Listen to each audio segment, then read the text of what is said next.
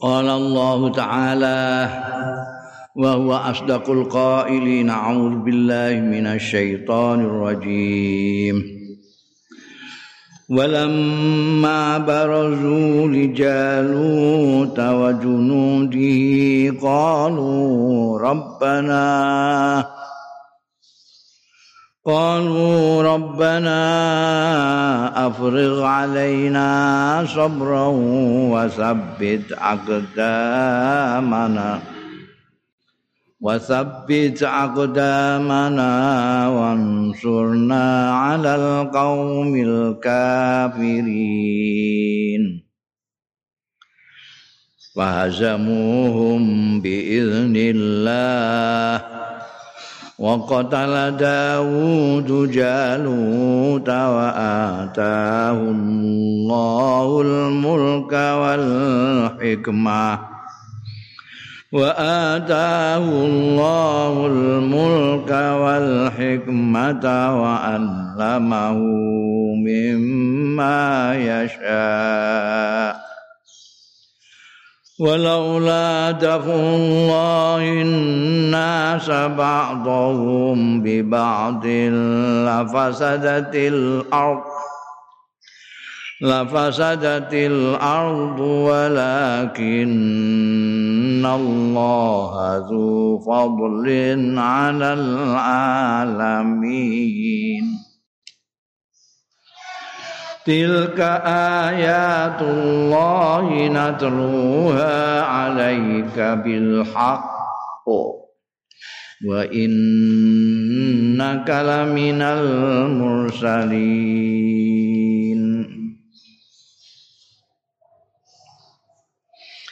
Walamma barazu Lan bareng Tampil ngedeng ya wong-wong. Balane talut alladzina yazunnuna annahum mulaqullah iku dhuwur. Li jaluta marang jalut. Hmm. raja sing kumalungkung sewenang-wenang wa junudi lan bala tentarane jalut kalu padha matur ya wong-wong di bawah pimpinannya Talut alladzina yazunnuna annahum mulaqullah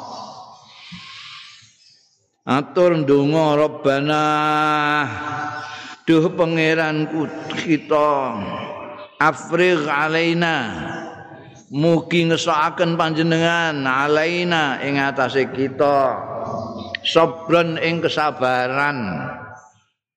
Wasabit lan mugi netepaken ngokohaken anjenengan agdamana ing delamaan-delamaan kita.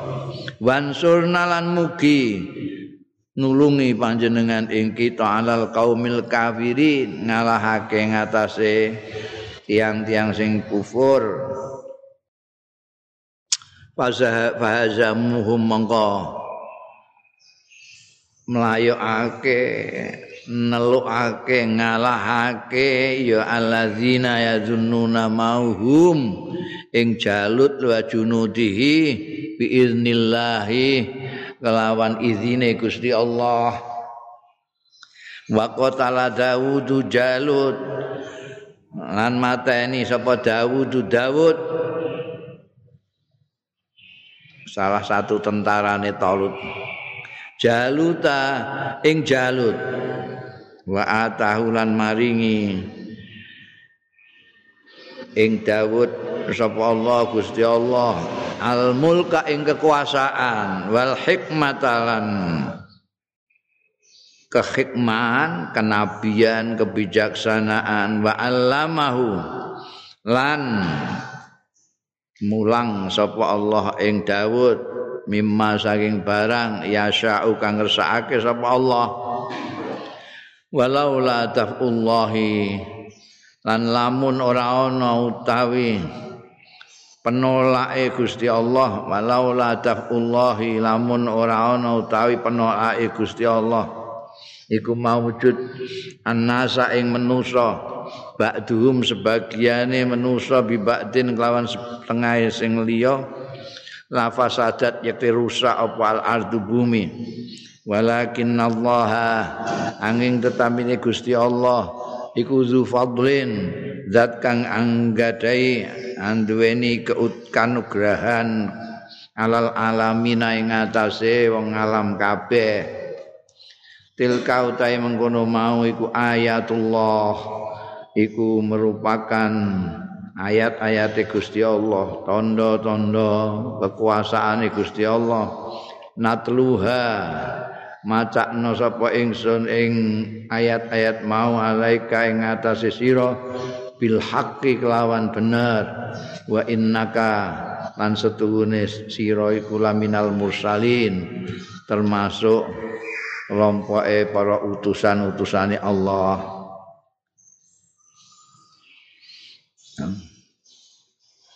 Dituruti karo Gusti Allah, diparingi pemimpin, penguasa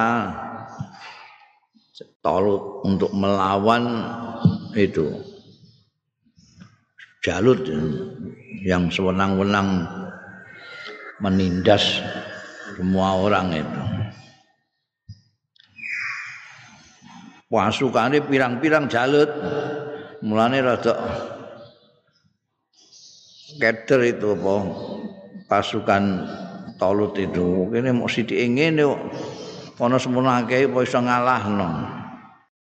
Tapi ana sing iman kuat merasa yakin kalau Gusti Allah ngesakno pasukan yang sedikit bisa mengalahkan yang banyak. Barang apa jenis berhadap-hadapan? Mubaroza itu berhadap-hadapan. Pasukan Talut kalau pasukan Jalut. Jalut dan pasukannya sekian banyaknya itu lihat itu kan terus pasukan Talut dan nyuwun ning Gusti Allah. Gusti panjenengan soaken dalam kita ketabahan dan kesabaran. Nganggo istilah afrih mesokno iku eh Jadi ana sing diciprati sabar ya sabar sedelok ngono ae bari. Ana sing ditetesi kesabaran sithik secara umum diparingi istilahnya diparingi kesabaran. Tapi nek disokno mengandung nuansa makna banyak sekali itu disokno. Desa anane disokno kabeh sabar itu ketabahan disokno kabeh. Sehingga mereka yakin betul ketika menghadapi pasukan Jalut yang besar itu. Karena diparingi ketabahan yang luar biasa oleh Allah dan ditolong karena permintaan mereka. Gusti Allah itu nuruti hamba-hambanya yang taat kepada Allah. Jadi nyuwun supaya disoki kesabaran, ketabahan dan ditulungi supaya enggak ana sing goyah. Sabit akdamana itu mantep gitu.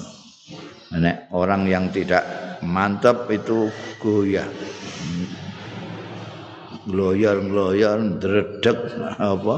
Goyah kakinya. Ini kalau tetap itu berarti yakin sekali. Betul ditolong ambekan Gusti Allah taala sama seperti ketika Kanjeng Rasul sallallahu alaihi wasallam dan pasukannya yang sedikit melawan pasukan yang banyak dari kufar Mekah di Badar dulu. Sama juga dengan itu fahazamuhum inilah yang sedikit akhirnya mengalahkan pasukannya Jalut yang besar karena izinnya Allah Subhanahu wa taala. Dan istimewanya lagi itu perang besar itu kan karena ada orang yang sewenang-wenang yang suka menzalimi yaitu Jalut. yang hebatnya luar biasa. Kurungu jenenge ngono wong wis wedi kabeh. Sampai orang-orang itu minta khusus kepada nabi beri tokoh yang bisa melawan dikirim Tolut untuk memimpin. Tapi nyatanya yang membunuh Jalut itu Dawud. Dawud itu salah satu prajurit saja prajurit prajuritnya Tolut prajurit biasa. Ini karena apa? Karena Gusti Allah. Dengan Gusti Allah Taala itu maha kuasa maha menang.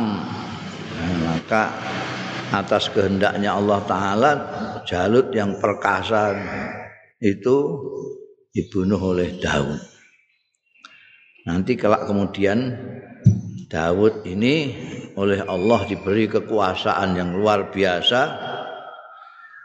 bahkan diangkat sebagai nabi diajari segala macam yang orang-orang tidak diajari oleh Allah Subhanahu wa taala. Wa allamahu mimma yasha termasuk di antaranya diberi keahlian untuk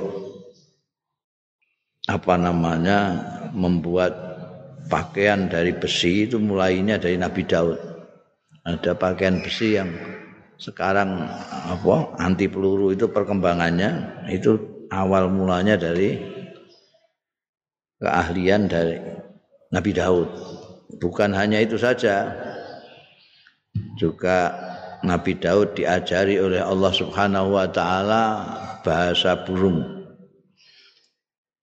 Diajari bagaimana apa namanya eh, membaca tasbih yang begitu merdu sehingga semua yang mendengarkan ikut menyanyikan tasbih. Nabi Daud. Wa mau mimma yasha segala macam pengetahuan yang orang lain tidak di, tidak memiliki diberikan kepada Nabi Daud. Terkenallah maka namanya Raja Daud. Orang barat yang ngarani David nih David. Yang David. Kayak Samun orang barat mengatakan Samson itu. Ibrahim mereka menyamakan Abraham. Daud itu David itu sudah menjadikan sunnatullah seandainya ke Allah itu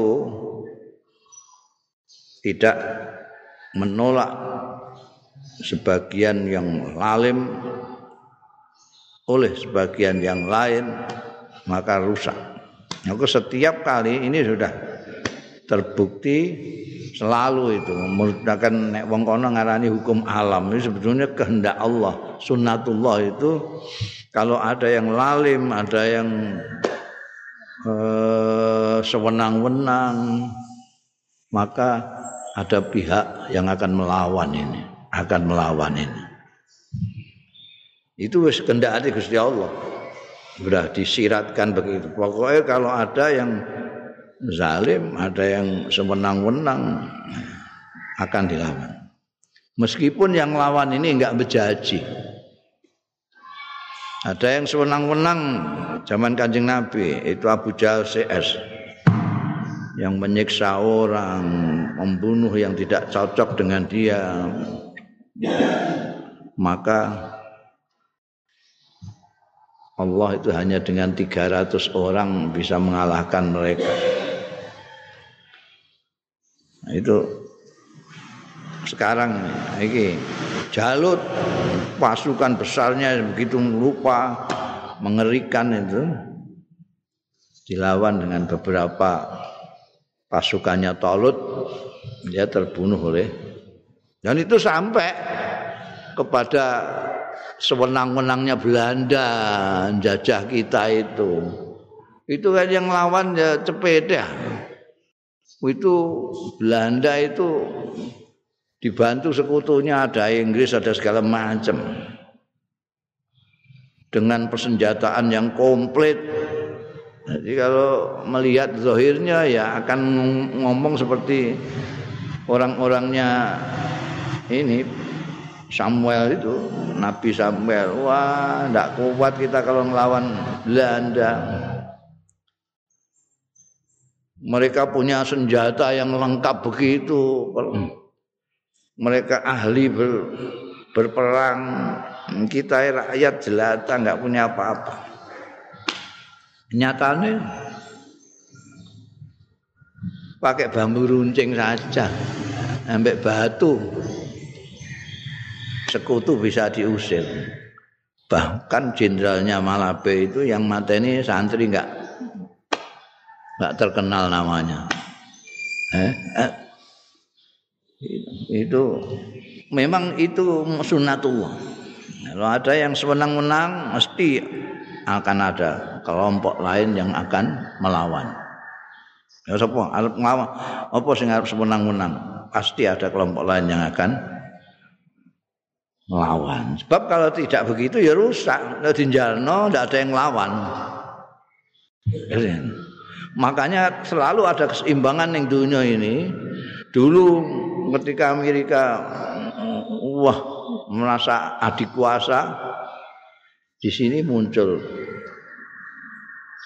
Uni Soviet yang menanding sehingga nggak berani macam-macam ini karena tentu akan ada kalau dia punya bolo di sini juga punya bolo. Sebelumnya Romawi Rom itu sewenang-wenang ada Parsi. Ketika dua-duanya sewenang-wenang, dua-duanya sama-sama sewenang-wenang, ada kanjeng Nabi Muhammad Shallallahu Alaihi Wasallam dan Muslimin yang jumlahnya tidak banyak, tapi bisa mengalahkan mereka semua. Itu terus gitu terus. Saiki barang ketika Uni Soviet sudah hilang, tidak ada, ada Cina. Oleh terus pokoknya gak bisa. Gak bisa ada orang menang-menangan sendirian ya, gak bisa. Jadi jangan jangan mengira kalau hebat, besar, gagah, banyak jumlahnya, terus nggak ada yang lawan, nggak ada pasti ada yang lawan. Tidak adilan akan dilawan oleh ketidakadilan. Oh, zaman Orde Baru itu siapa yang membayangkan Pak Harto bisa lengser? Tidak ada. Jenderal besar. Tentara di tangannya, polisi di tengahnya, berarti Indonesia jenenge ABRI. Partai-partai politik yang beras, berhaluan Islam dikumpulno ning gone P3. Sing ora Islam dikumpulno ning PDI. Ndekne dhewe duwe Golkar. Kabeh organisasi-organisasi Islam kemasyarakatan dadekno siji ning gone MUI. Coba kali kabeh. Eh? Jadi gak iso. apa jenenge organisasi-organisasi pemuda kumpulno kabeh ning KNPI. Ansor barang wis dihubun saya kabeh. Seka ono. Jadi dadi ono siji kabeh terus iki dicekeli kabeh. No, misalnya apa jenenge partai-partai Islam biyen pirang-pirang kan yang dadi ono siji ning P3 terus ketuane sing nunjuk ndikne Pak Harto jenderal besar. Ini Ansor pemuda Demokrat, pemuda rakyat kumpul nambahan Pak Harto ning KNPI. Sing milih ketuane ndik-ndik. Organisasi-organisasi Islam kumpulno dari siji ketuane dadi ning MUI ku ketuane ndikne sing milih. Wis apa ya kabeh ini? MPR ketuane di sing pilih. Kabeh dipilih ini. Jadi nak eh iki macam-macam kan. Kalah mahasiswa ngono ae. mahasiswa. Lengser. Kau sing bayang. Dan kekuatannya yang kiri situ. mahasiswa padahal mahasiswa tok gitu jadi tidak boleh ada sampai ada kelompok atau golongan yang melete, medek-medek no hebate, medek-medek no jumlahnya sampai turun. Pasti ada lawannya. Gusti Allah itu zu fadlin alal alamin. Ngatur Gusti Allah. Ya. Ini untuk pelajaran kita semua bahwa semua yang apa namanya eh, yang batil pasti akan dikalahkan oleh yang hak itu ayat-ayat Gusti Allah Taala dibacakan kepada kanjeng Nabi Muhammad Sallallahu Alaihi Wasallam dan untuk bukti juga bahwa kanjeng Rasul Sallallahu Alaihi Wasallam memang utusan Gusti Allah. No ya, kanjeng Nabi itu bukan intelektual, kanjeng Nabi itu buta huruf. Orang mengenal semua ya, tahu angon bangsa ini ngono-ngono kuwi. Eh. Tahu melok dagang pamannya, tahu mburoh dagang ning janda kaya. Bangsa ngono.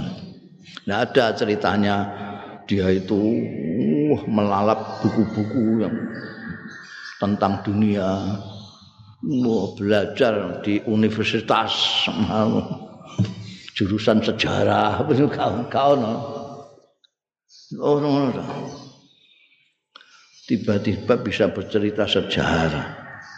Detail lagi detail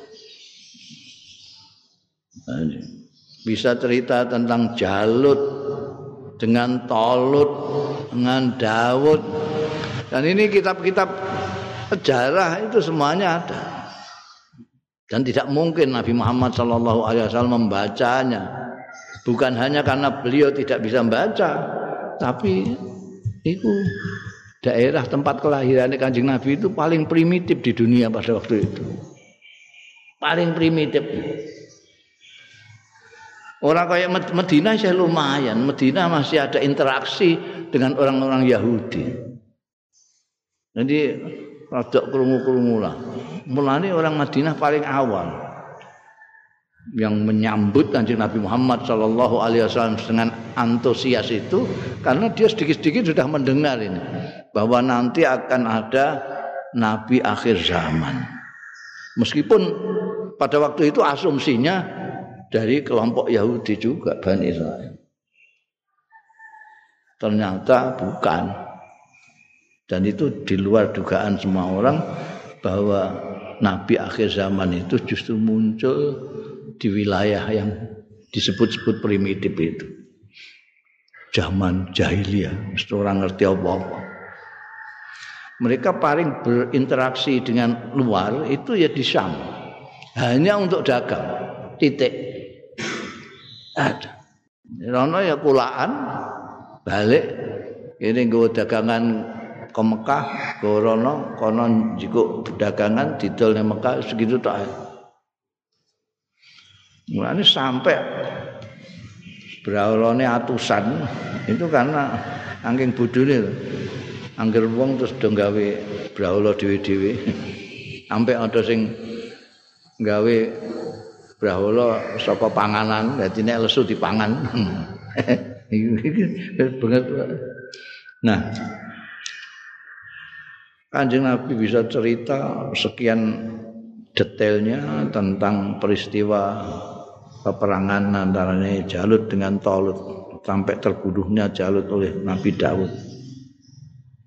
Ini nek uang panjen selaras dengan paringane Allah hidayah ya mesti cukup lah untuk membuat orang taslim mengatakan bahwa kanjeng Nabi memang laminal mursali. Memang termak utusannya Allah. Tidak mungkin kalau tidak utusannya Gusti Allah Ta'ala. Bisa cerita sejarah mulai awal sampai akhir bahkan sampai hari akhir.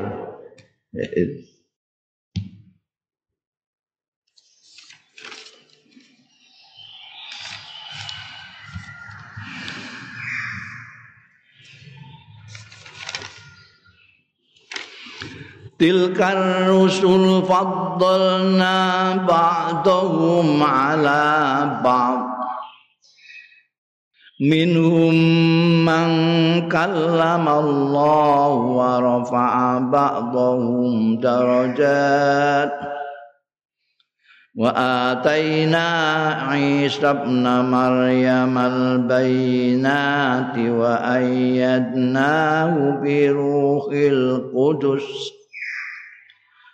Walau Allah ma qatatal ladzina mim ba'dihim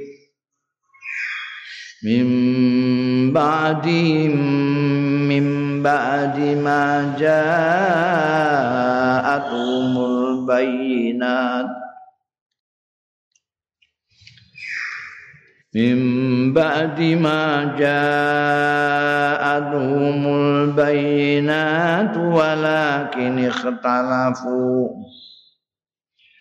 ولكن اختلفوا فمنهم من آمن ومنهم من كفر.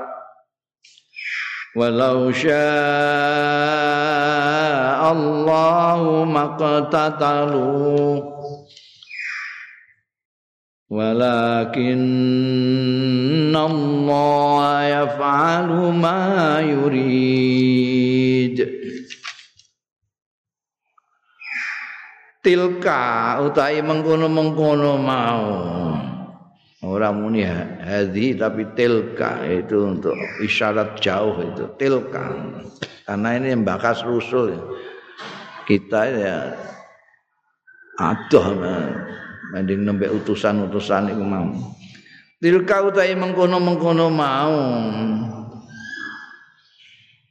Kan sak durunge kan ana Nabi Daud, Nabi Musa, sak piturute nabi-nabi pirang-pirang kisahno ning Quran ini yang kemudian disampaikan oleh Rasulullah sallallahu alaihi wasallam. Utai mengkono-mengkono utusan-utusane Allah mau. Ku iku ngutamakno sapa panjenengan ingsun ba'dahum ing sebagian rusul ambadin ing atase setengah yang lain. Minhum iku setengah saking rusul man utawi wong rusul Allah sing ngendikani sapa Allah ing man. Warfa'alan ngangkat sapa Allah ba'dahum ing sebagian rusul setengahe rusul. Diangkat darajatin ing pira-pira tingkat. Wa ataina Isa lan paring sapa panjenengan ingsun ing Isa ibna Maryama putrane putra jalere Sayyidatina Maryam. Bayinatin ing ir pira-pira pertanda kerasulane wa ayyadnahu lan dukung nguati sapa ingsun ing Isa biruhil kudusi kelawan ruhil kudus Ruhil Kudus itu banyakkan mufasir maknani ya malaikat Jibril. Ada yang mengatakan bahwa malaikat yang istimewa. Walau syaa lamun ngersakake sapa Allah maktatala mongko ora perang, ora padha perang perangan sapa alladzina mim ba'dihim wong-wong sing tetep ing dalem sakwise para utusan mau. Mimba di majaa saking sakwise olahe nekani hum ing alladzina apa albayinatu pira-pira keterangan penjelasan-penjelasan walakin nanging tetap ini ikhtalafu. Padha sulaya ya alladzina mim ba'dihim. Paminhum mongko iku setengah saking wong-wong mau man mim ba'dihim. Man utai wong amana sing tetep iman ya man. Wa minhum lan iku setengah saking alladzina mim ba'dihim. Man utai wong kafara sing kufur ya man. Walau syaa lan lamun ngersake sapa Allah Gusti Allah maktatalu mongko ora padha perang-perangan ya wong-wong mau. Walakin Allah angin tetapi ini Gusti Allah iku yaf'alu nindakake sapa Allah ma ing barang yuri kang ngersakake sapa Allah bahasane wong Betawi maha semau gue. Yaf'alu mayuri tok. Utusan-utusan Allah yang dikisahkan sebagian mereka di dalam kitab suci Al-Quran ini kalau kita, sesuai dengan yang kita perhatikan itu Allah Ta'ala itu mengutamakan satu dari yang lain. Punya keistimewaan sendiri-sendiri. Rasul itu banyak sekali. Ada yang punya kelebihan ganteng seperti Nabi Yusuf. Ada yang mempunyai keahlian hujahnya luar biasa. Ada yang harus melewati cobaan luar biasa berupa penyakit seperti Nabi Ayub. Ada yang cobaannya itu malah ditelan ikan Nabi Yunus. Ada yang nabinya itu full, tapi ada yang hanya pembantu. Seperti Nabi Harun. Ada yang diberi kemampuan untuk memahami dawe Gusti Allah langsung oleh Nabi Musa dijuluki kalimullah itu karena beliau diberi kemampuan untuk mendengar langsung firman Allah. Bagaimana itu? Ya nggak tahu kita. Wong Gusti Allah itu lain daripada kita. Keyakinan kita itu laisa kamisli syai'un. Jadi kalau kita pakai mulut, pakai suara, mendengarnya pakai telinga. Tapi Nabi Musa tidak pernah cerita itu, bagaimana didawi Gusti Allah itu bagaimana, tidak bisa diceritakan. Karena apa? Karena suaranya tentu tidak seperti suaranya manusia. Tentu tidak melalui cara-caranya manusia. Tapi yang jelas Nabi Musa difirmani langsung oleh Allah. Karena itu keistimewaannya Nabi Musa disebut bakal lama. Jadi kalimullah. Ada yang seperti Nabi Isa diberi macam berbagai macam keistimewaan antara lain bukan hanya bisa menyembuhkan orang sakit tapi menyembuhkan orang cacat bahkan menghidupkan orang mati. Iya. Dia bahkan didukung oleh malaikat Jibril sejak masih di kandungan. Jadi Nabi Isa. Jadi nabi-nabi rasul-rasul itu mempunyai kelebihannya masing-masing. Memang Allah melebihkan masing-masing. Pertanyaannya sekarang, Nabi kita di mana nggak disebut di sini? Yang disebut kok cuma Nabi Isa sama Nabi Musa. Kalau Nabi Musa itu secara tersirat karena di sini ada mangkalam Allah dan ini jelas menunjuk Nabi Musa alaihissalam. Ada yang tersurat wa ataina Isa Maryam. Ada yang tersirat seperti Nabi Musa, ada yang tersurat seperti Nabi Isa. Kanjeng Nabi di mana? Ulama-ulama banyak yang mengartikan ini tersurat tersirat juga. Rafa'a ba'dhum darajatin ini yang diangkat di atas semuanya beberapa derajat. Ini Nabi Muhammad sallallahu alaihi wasallam. wa rafa'a ba'dahum darajatin. Lu itu bukan sebagai anu sifatnya rasul-rasul yang diberi keistimewaan ini. Rafa'a ba'dahum artinya mempunyai keistimewaan derajatnya lebih tinggi dari yang lain. Enggak. Kalau itu kan sudah disebutkan di depan faddalna ba'dahum ala ba'din itu artinya melebihkan satu dengan yang lain. Oh, kita pelajari dari nabi-nabi seluruhnya itu, itu semuanya punya keistimewaan dari yang lain. Di samping Nabi Musa, Nabi Isa, ada Nabi Sulaiman yang bisa menguasai segala macam itu bisa bicara sama binatang. Ada yang seperti Nabi Daud, kalau baca tasbih semuanya ikut.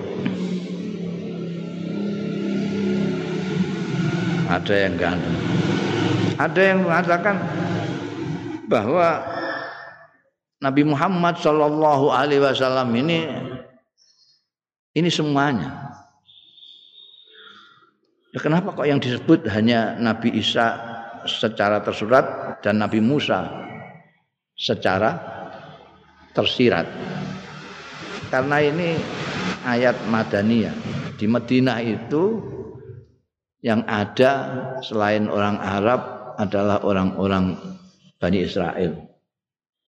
Bani Israel itu kalau tidak pengikutnya Nabi Musa, ya pengikutnya Nabi Isa.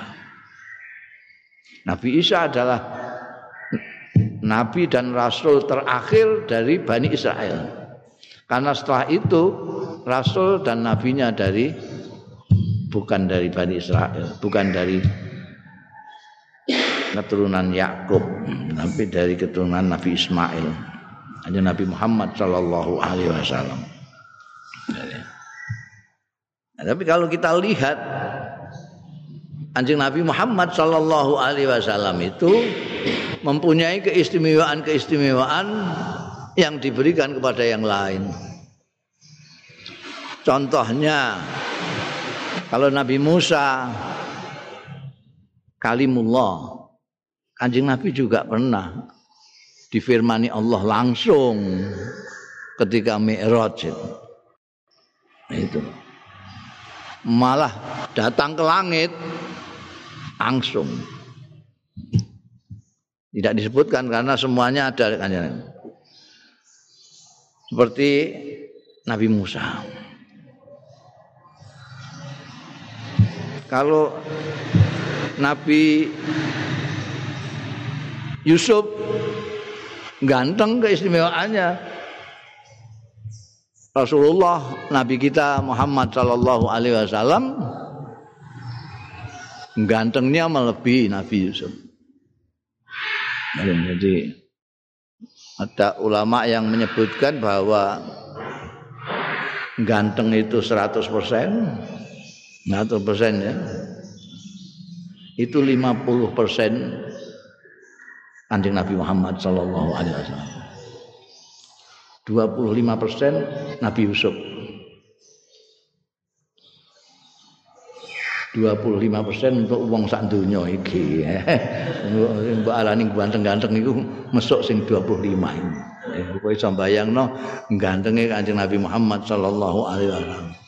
50% ganteng untuk Kanjeng Rasul sallallahu alaihi wasallam, 25 untuk Nabi Yusuf. Gantengnya Nabi Yusuf sing mok 25 mok separone Kanjeng Nabi ae. Iku wis ndadekno wong wedok-wedok ngetoki drijine tanpa terasa. Begitu lihat masyaallah. Wah iki dudu menungso iki. Menungso kok ngene, ngono iki antek drijine do protol gak rasa. Ngantek drijine Aziz ngantek tergila-gila. Ya. Itu kan lagi 25 baru Pertanyaannya, lo kok nggak ada yang cerita kanjeng Nabi itu ganteng? Karena nggak ada yang melihat kanjeng Nabi suwi itu gak on, kuat.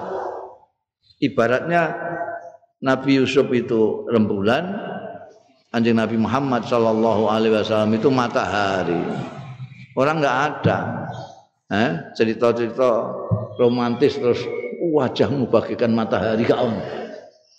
Ya biasa wajahmu seperti bulan.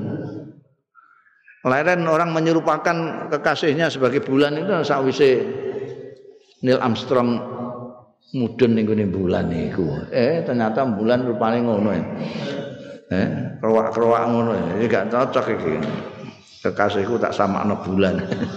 Tapi gak an sing menyamakan orang dengan matahari. Anta syamsun hanya kanjeng Nabi Muhammad sallallahu alaihi wasallam. Nabi Isa bisa menyembuhkan kanjeng Nabi juga bisa menyembuhkan. Dengan banyak.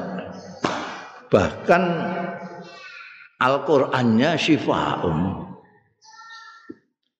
Bukan hanya kanjeng Nabi, eh? sampai kiai-kiai sing desa iku eh maca Fatihah terus iso marekno wong kesurupan barang iso nggo nambani lara untu barang ngono.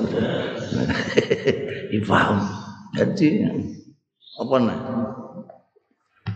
Anjing Nabi itu makanya ada yang mengatakan wa rafa ba'dhum darajatin. Ini Kanjeng Nabi Muhammad sallallahu alaihi wasallam.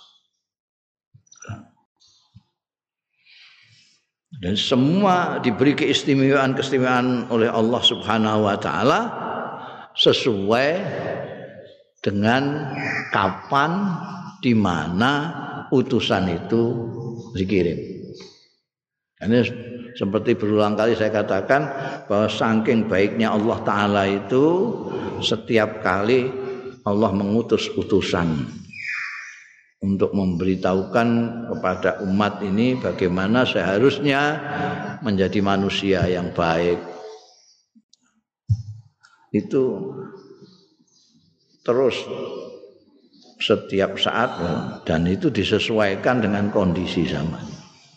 Sehingga rasulnya sendiri keistimewaannya juga berbeda-beda, bahkan mukjizatnya juga berbeda-beda. Ketika masih zamannya Perngon, zamannya anu Perngon itu wah itu zaman itu orang itu sing diduk-dukno itu adalah sihir sulapan eh? sihir-sihir itu. Orang bisa jadi kucing tak piturute ngono. Maka Nabi Musa membawa mukjizat yang sesuai dengan zamannya itu. Tongkat itu jadi ulo. Dan tukang sulap, tukang sukap, ahli sikir-sikir Mesir ndak ada yang bisa ngelawan. Teluk kabeh. Datang zaman semakin modern Nabi Isa sudah tidak menggunakan model sihir tapi sudah model kesehatan, dokteran, ketabiban. Jadi menyembuhkan penyakit sak itu. Tambah maju lagi manusia diutuslah nabi terakhir Nabi Muhammad sallallahu alaihi wasallam dengan pengetahuan. Ini zaman pengetahuan jadi mukjizatnya Al-Qur'an. yang bisa dibaca sepanjang masa sampai hari kiamat. Sayangnya setelah itu, lagi wis di wis dibedek nih ayat ini.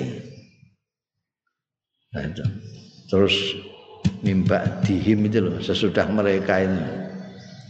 Sekarang ini yang Quran tidak pernah dibaca.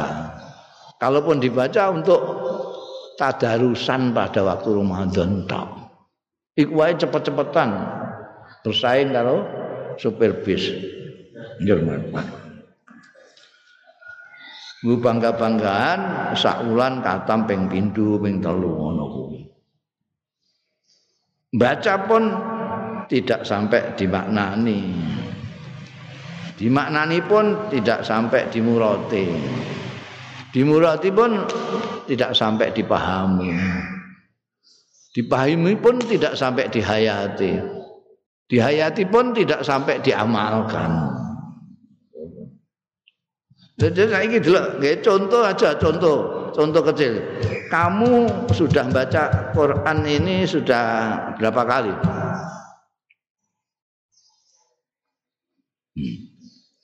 Berapa kali? Wah, enggak hitung. Kamu sudah pernah baca surat Al-Hujurat? Surat yang ke-49 itu. Sudah pernah? Isinya apa saja?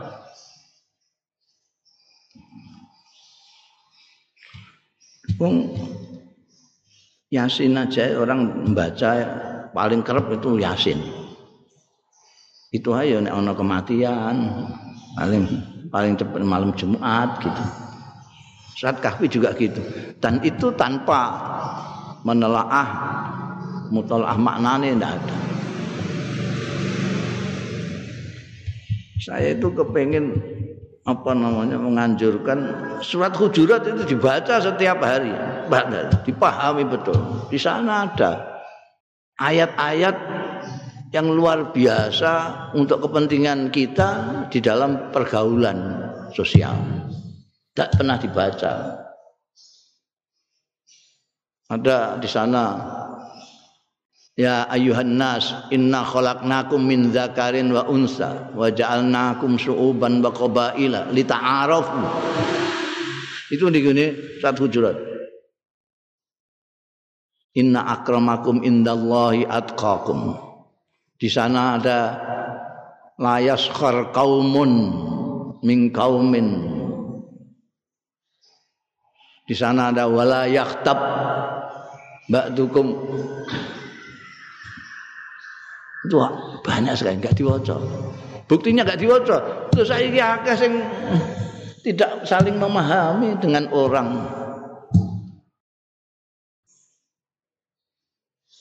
Sekarang ini orang saling mengolok-olok orang juga biasa. Wa talmizu ampusakum bil alqab ini sekarang sudah wong wong Islam kabeh iku arang-arang sing ora Islam. Do wadan-wadanan itu. Apa mereka enggak baca? Antara dua. Atau mereka enggak baca atau mereka mengabaikan pedomannya sendiri. Kan gitu. Kesimpulannya cuma dua. Wala yaktab ba'dukum ba'da. Mereka membaca itu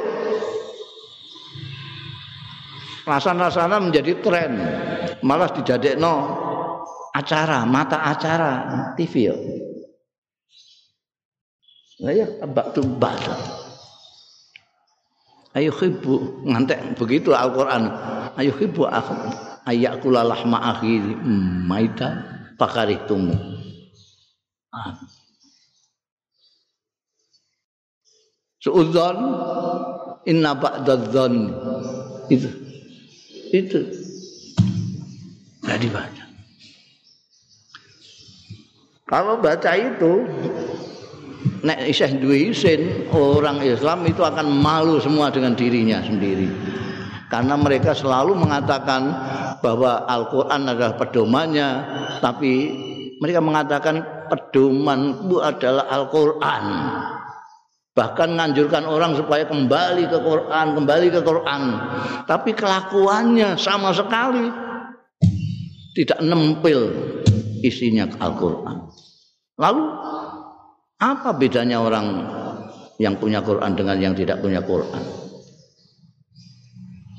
Apa bedanya orang yang tidak berpedoman Quran dengan orang yang mengaku pedomannya Al-Quran? Pedoman itu kan kalau saya akan melangkah, saya cocokkan dengan Al-Quran ini cocok apa enggak? Enggak cocok berhenti, cocok berjalan. Sekarang siapa? Umat Islam yang mengaku berpedoman Al-Quran yang menggunakan cara itu. Jadi kalau melakukan sesuatu bukan nafsu, bukan kepentingan, bukan syahwat, bukan politik, tapi ini pedomannya itu. Orang Islam berani enggak? Bukan hanya mengatakan pedomanku Quran, tapi betul-betul Quran dijadikan pedoman. Berani apa tidak? Jangankan kok yang rakyat awam itu yang namanya aja sudah awam. Yang di atas awam ini saja. Kawan bisa lihat kelakuannya. Cocok apa enggak dengan pedomannya? Coba saiki kiai kiai ustad ustad itu suruh ngaji khusus al hujurat saat ini penting. Surat al hujurat kan mata dan dan Gus Bah bareng kon kon mulang al hujurat biar viral biar viral al hujurat ini. Hmm. Dimaknani untuk ngaji kiai kiai sing ngaji maca al hujurat Kalau ndak itulah ini. Iki kan pedoman. Walau sya Allah maktatal ladzina min ba'dihim min ba'di ma ja'atuhumul bayyinat. Jadi Gusti Allah itu memang maha semau gua tenang. Memang maha semau gue. Sak karepe Gusti Allah. Kowe seneng cek ora? Ora urusan. Kowe nek gak yakin mek iki lara kabeh kowe, jantungan kowe. Kowe kepengin iki, Gusti Allah enggak ngesakno. Lah kowe kan gelo. Kowe ndukung iki, Gusti Allah enggak ngesakno, piye? Oh, lara kabeh kowe. Gusti Allah nek Gusti Allah ngesakno dawuh ayat ini nek Gusti Allah ngesakno setelah mereka orang-orang baik yang diutus oleh Allah Subhanahu wa taala untuk menunjukkan mereka itu tidak ada yang berselisih tidak ada tidak akan berket Maktatala itu perang. Tidak akan perang. Nyatanya perang semua. Dari dulu sampai sekarang perang terus saja. Perang dunia ke satu, dua, ke dua, ketiga, wih, perang terus sampai dikai nomor. Mungkin istilah perang ketiga, mau keempat enggak ngerti. Perang, perang, perang. Kenapa? Padahal sudah mimba di, di mimba dihim itu setelah kedatangan utusan.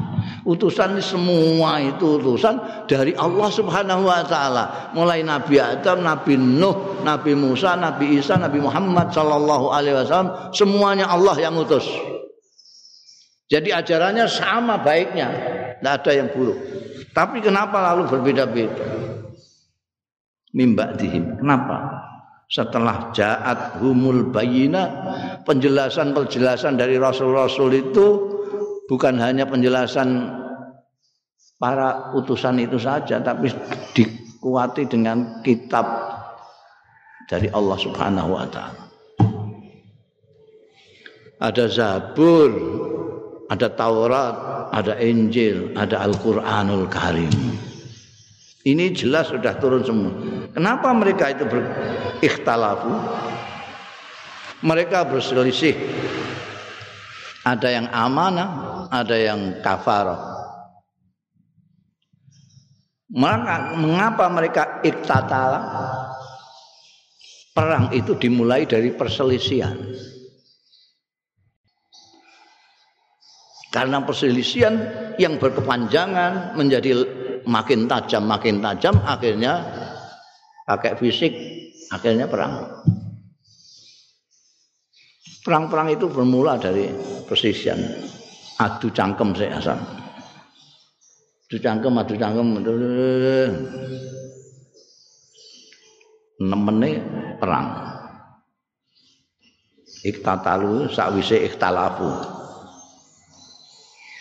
maka ajaran ini kanjeng Nabi Muhammad Sallallahu Alaihi Wasallam Nabi kita Nabi akhir zaman ini itu kita diminta supaya jangan berlebih-lebihan dalam segala sesuatu. Termasuk di dalam beragama. Al-hulu fiddin. Tidak boleh. Tidak boleh berlebihan karena kalau berlebih-lebihan kamu berlebih-lebihan meyakini keyakinanmu sendiri itu bisa kamu terus menganggap keyakinan orang mesti salah. Kalau kamu berlebih-lebihan meyakini pendapatmu sendiri, itu kamu pendapat orang lain kamu anggap tidak ada. Akhirnya apa? Karena kamu menganggap paling benar, maka orang lain kamu anggap salah. Terus kamu elek-elek, salah, kamu salah, kamu salah, kamu salah, kamu. Kalau kamu merasa Islam, orang lain kamu bilang kafir, kafir, kafir, kafir. Sana nggak terima mesti ya. Wong sana juga punya akal pikiran, bantah, bantah, bantah. Kamu bantah lagi, karena bantah lagi. Sesuai tidak bantah-bantahan, tapi pisu-pisuan. Tidak ada bantah-bantahan sekarang. Yang ada tinggal pisu-pisuan. Ini sudah gawat. Sudah lagi iktatalai. Oh, makanya tidak usah berlebih-lebihan. Makanya ajarannya ulama-ulama kita kan seperti Imam Syafi'i apa ya pokoknya Imam Imam Ijtihad atau Mujtahid itu mengatakan pendapat kita benar tapi berkemungkinan salah. Pendapat orang pendapat orang salah tapi berkemungkinan benar. Itu namanya pendapat kecuali itu dawai Allah Ta'ala tidak bisa dimaknani apa-apa kalau namanya masih istihadi ya pendapat. Itu jangan dianggap seperti dawai Gusti Allah. Itu salah-salah bisa menjadi syirik itu kalau kita menganggap pendapat kita mutlak benar itu berarti kita menyamakan dengan Allah Subhanahu wa taala. Karena yang mutlak benar hanya Allah taala Mengapa kita memutrakkan kita diri kita sendiri? Karena kita berlebih-lebihan menyintai diri kita sendiri, pendapat kita sendiri, keyakinan kita sendiri. Seolah-olah orang lain salah semua. Ada orang mengkafirkan orang lain karena dia merasa paling top. Kayak orang khawarij itu. Semua orang dianggap kafir semua, kecuali dia. Juga nggak mikir itu.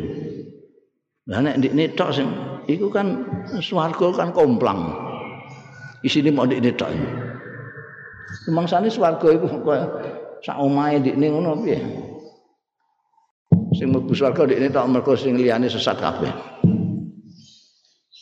Padahal du swarga iku ardua samawat wal ard. Orang tanya. Jadi itu walau Allah maktatal itu itu tekan kono ke sepeda wae Gusti Allah ngesakno ngono iku piye jadi Wene pusing-pusing mikir Gusti Allah pancen ngesakno ngono. Repot. Jadi apa intinya? Jadi semuanya ini Gusti Allah. Kita jangan lupa semuanya Gusti Allah. Kita nyuwun baik Gusti Allah, coba pendapatmu sendiri aja. Gusti Allah itu yaf'alu mayurid. Nek kendaknya kendak ya Allah padha karo kendakmu ngono ya enak. Eh? Nek durung ngerti ya. Mergo ngerti kowe njaluk. Kowe njaluk mbek Gusti Allah itu pentingnya njaluk ning Gusti Allah karena Gusti Allah itu yaf'alu mayurid. Allah itu ya halu mayuri. Ora kok yaf'alu ma aratum ka. sing karepno terus dituruti Gusti Allah. Amin. Tapi kalau kita itu dekat dengan Gusti Allah, itu bisa-bisa Gusti Allah nuruti kita. Gusti Allah yang semau gue itu menjadi menuruti kemauan kita. Jadi supaya kita selamat daripada apa namanya apa-apa yang tidak diinginkan yang kita tidak inginkan. Ya Gusti Allah itu dawuhna pamin human amana wa minhum man kafar. Orang yang amanah karena hidayahnya Allah. Maka kalau tidak dapat hidayah dari Allah. Maka kalau kita mendapat hidayah, kita bersyukur kepada Allah dan selalu memohon kepada Allah untuk selalu diberi hidayah, taufik dan hidayah. Jangan mentang-mentang lalu sedikit-sedikit saya sedikit-sedikit saya. Kalau saya menghendaki begini harus jadi. Kalau calon saya anu, mesti harus jadi. Enggak, jantungan gue. Ya. Ini walakin Allah yaf'alu ma yurid. Wallahu a'lam.